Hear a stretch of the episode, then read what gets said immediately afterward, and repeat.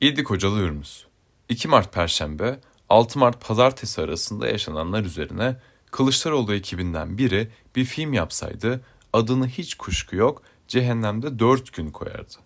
Erdoğan'ın 2017'de mühürsüz referandumda atı alıp Üsküdar'ı geçmesinden bu yana Kılıçdaroğlu bütün yatırımını İyi Parti üzerine yapmıştı. 2018 seçimlerinde ödünç verilen CHP milletvekilleri 2019'da Ekrem İmamoğlu ve Mansur Yavaş üzerinde birlikte kilitlenme, Millet İttifakı, Altılı Masa, Ortak Anayasa Değişikliği, Politikalar Musabakatı, sonra birden ortağınız kapıyı çarparak çekip gidiyor. Elde var hüzün. CHP o dört gün boyunca kuyruğunu dik tuttu ama Akşener'in gidişi projenin sonuydu aslında. İstendiği kadar beşli masa sözleri telaffuz edilsin, kalan partiler artık CHP için daha az milletvekili çıkarmasına yol açacak birer yüktü. Üçü intikam partileri olarak nitelendirilebilir. Wall Street ve Londra City Türkiye mümessili Ali Babacan, Türkiye emekçilerinin posasını tam çıkaramadan kenara itilmesinin intikamı peşinde. Suç İşleri Bakanı kavramına nazire ile söylersek, Boş İşler Bakanı iken bu gazetede adı Sıfır Ahmet Paşa olan Ahmet Davutoğlu, yeni DAğı işler yaratarak komşularla sıfır sorun politikasını daha da yukarı taşıma fırsatının inkar edilmesinin intikamı ile yanıyor. Saadet Partisi ise bir bütün olarak Erbakan'ın heykelinin kaidesi üzerinden indirilmesi tarihi suçunun intikamının peşindeler. Demokrat Parti'ye gelince o 77 yıl önce kurulmuş Aslı'nın tam bir karikatürüdür. Meral Akşener masadan kalkınca sadece Demokrat Parti değil, bütün Millet İttifakı bir karikatüre döndü. O dört gün içinde Tayyip Erdoğan'ın hele o otomobilinin camından muhabirlere verdiği demeci gördüyseniz sadece ağzının göründüğü sahnede çok ciddi konuşurken bile aslında dudaklarında nasıl bir gizli gülücük olduğunu görmek pek kolaydı.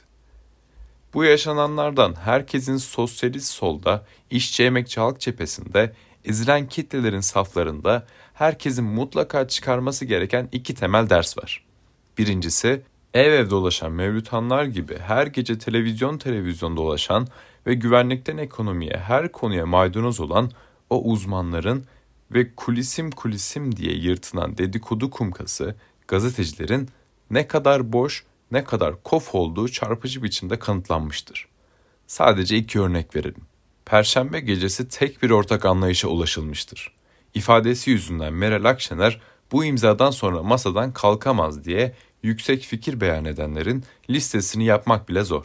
AKP kanadında bölünme dolayısıyla dört köşe yandaşlarıyla Akşener gidince Millet İttifakı'nın sola kaymaya başladığı hayali görmeye başlayan muhaliflerin koro halinde Akşener artık masaya dönemez, dönmez kesinlemelerinin bolluğu. Sosyal medya hala yazıldıkları anda yanlışlığı kanıtlanmış o mesajlarla dolu. Ah bir meraklısı şunların listesini yapsa. İkinci dersimiz birincisiyle iç içe de anlatılabilir. Biz ilk gün yamalı bohça teyel yerlerinden söküldü dedik. Bunun şimdi olmasaydı seçimden sonra olması ihtimalinin çok yüksek olduğunu söyledik. Yani yaşanan ana ilişkin bir sonuç çıkarmadık. Bu altı benzemezin doğaya aykırı birliğinin bir işe yaramayacağı, üstelik bir gün en olmadık anda çatlama potansiyeli taşıdığı gerçeğini vurguladık. Partimiz bu önemli anda bir bildiri çıkarmaya hazırlandı. Bu bildiriyi pazartesiye kadar yayınlamadık. Bu işin öngörü yanı. Dileklerini gerçeklerin yerine koymak herkesi yanıltır. Ama Marksistler kendi yöntemlerini uygularsa bu yanılgıya en zor düşecek akımdır. İkinci ders açıktır. Bu ucube ittifak Türkiye'yi istibdattan kurtaramaz.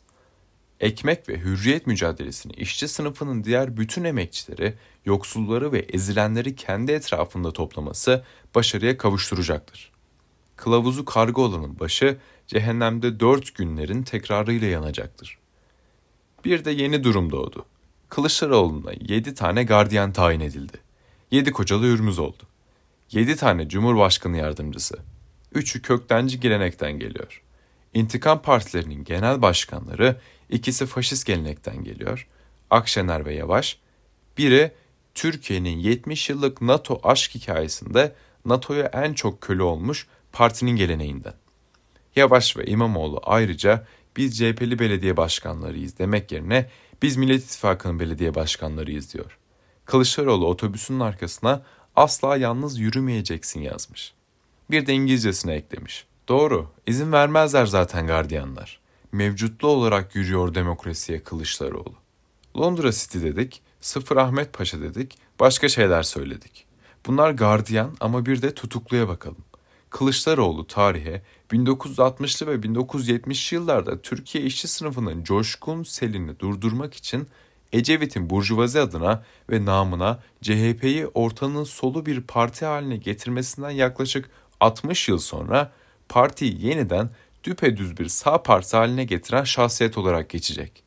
Bu bakımdan gardiyanlara çok iş düşmeyeceğini teslim edebiliriz. Sağcılık gerekiyorsa onu Kılıçdaroğlu zaten paşa başa yapacaktır.